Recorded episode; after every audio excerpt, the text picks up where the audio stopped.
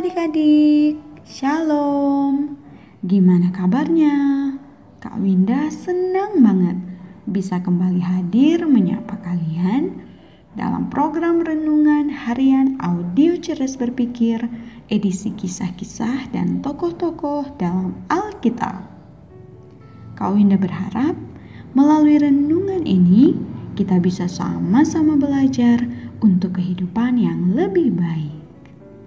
Hari ini Kak Winda akan ngebawain renungan harian yang judulnya Gelembung Sabun.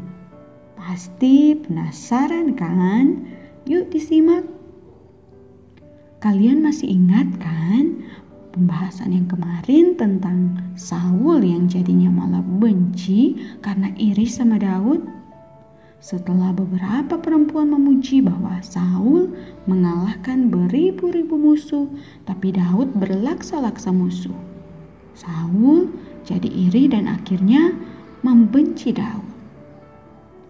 1 Samuel 18 ayat 8 hingga ayat yang ke-9 mengisahkan gini.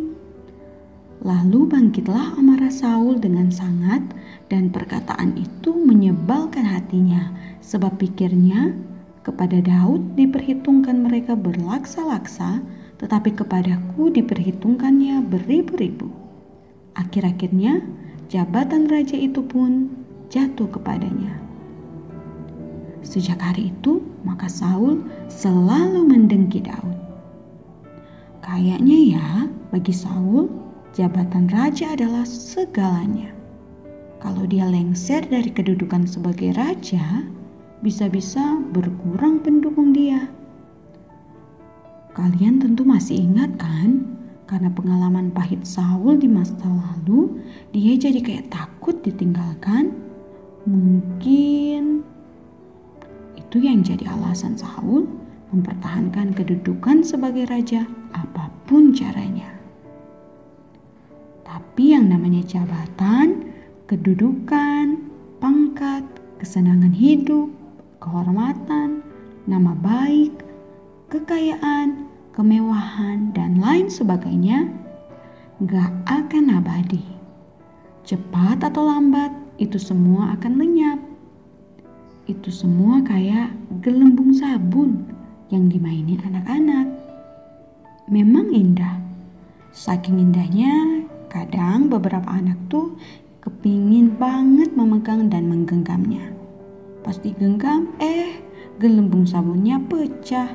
Atau kalau kita diemin, lama-lama juga gelembung sabunnya juga pecah. Begitu juga dengan yang tadi Kak Winda udah sebutkan. Ambil contohnya aja ya jabatan. Kalaupun suatu saat kalian dipercayakan untuk menjabat suatu jabatan, cepat atau lambat, masa jabatan kalian akan habis.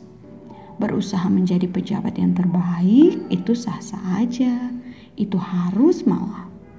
Tapi kalau berusaha supaya jadi tak tergantikan, hmm, hati-hati aja, takutnya kalian kecewa. Adik-adik, Kak Winda nggak bilang bahwa kesemua yang kakak sebut kayak gelembung sabun itu nggak penting loh ya. Dalam rangka mengabdi kepada Tuhan dan mengembangkan hidup, kesemuanya itu sah-sah aja kalau mau didapatkan. Tapi ingat, kesemuanya itu nggak abadi dan bukan yang utama. Sebab yang utama adalah gimana kita menjadi manusia yang lebih baik di hadapan Tuhan dan senantiasa menyenangkan hati Tuhan. Ya intinya kita harus punya ambisi yang tepat supaya kita nggak kayak orang yang mencoba menggenggam gelembung sabun. Oke? Yuk kita berdoa. Tuhan Yesus yang baik, kami mengucap syukur kepadamu sebab luar biasa Engkau memimpin dan memelihara hidup kami semua hingga sampai saat ini ya Tuhan.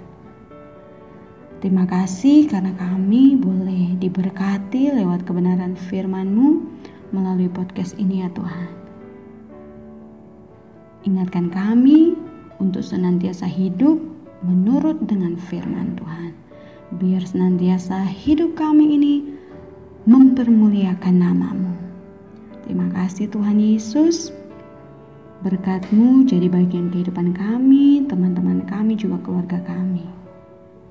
Terima kasih Tuhan, kami berdoa mengucap syukur. Haleluya. Amin.